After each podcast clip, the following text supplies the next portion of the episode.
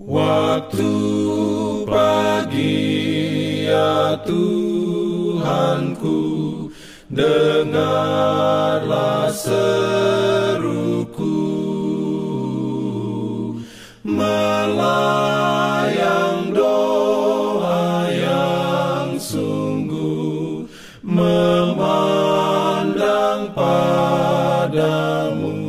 Selamat pagi pendengar Radio Advent Suara Pengharapan.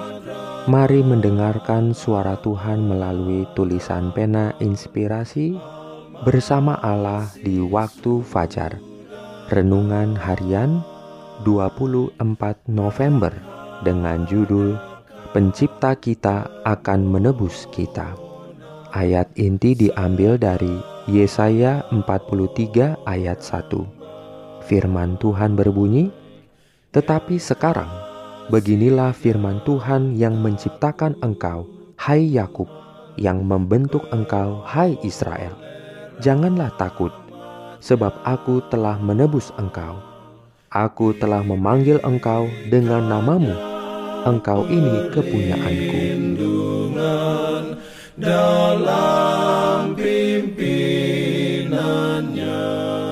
Urayanya sebagai berikut.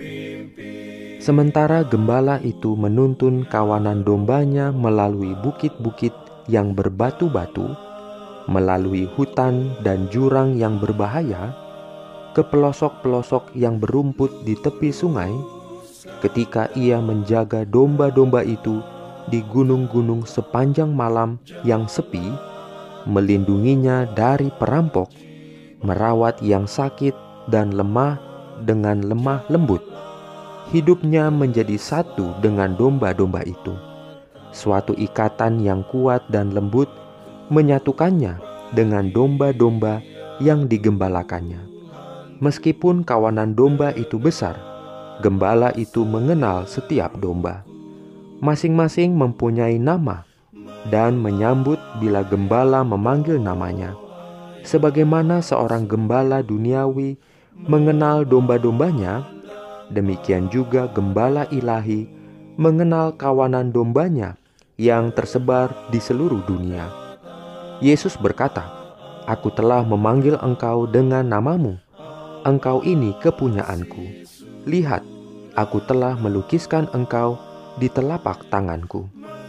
Yesus mengenal kita secara pribadi dan terharu dengan kelemahan kita. Ia mengenal kita semua dengan nama kita. Ia mengetahui rumah yang kita huni, serta nama setiap penghuni. Kadang-kadang, ia memberikan petunjuk kepada hamba-hambanya untuk pergi ke suatu jalan di suatu kota, ke suatu rumah, untuk mencari salah satu dombanya. Setiap jiwa dikenal benar oleh Yesus seolah-olah bagi dia saja satu-satunya juru selamat sudah mati. Kesedihan setiap orang mengharukan hatinya. Seruan untuk minta pertolongan sampai ke telinganya. Ia datang untuk menarik semua manusia kepadanya. Ia menyuruh mereka, "Ikutlah Aku." Dan rohnya menggerakkan hati mereka untuk menarik mereka datang kepadanya. Banyak orang enggan datang kepadanya Yesus mengenal siapa mereka itu. Ia pun mengenal siapa yang mendengar panggilannya dengan sukacita dan bersedia datang di bawah penjagaannya.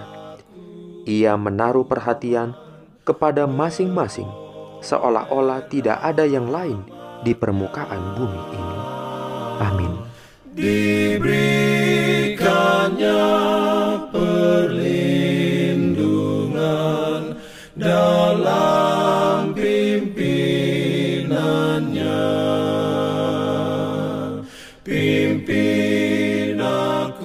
Jangan lupa untuk melanjutkan bacaan Alkitab sedunia. Percayalah kepada nabi-nabinya yang untuk hari ini melanjutkan dari buku Dua Raja-Raja pasal 2. Selamat beraktivitas hari ini. Tuhan memberkati kita semua. Jalan kewajiban, jalan keselamatan.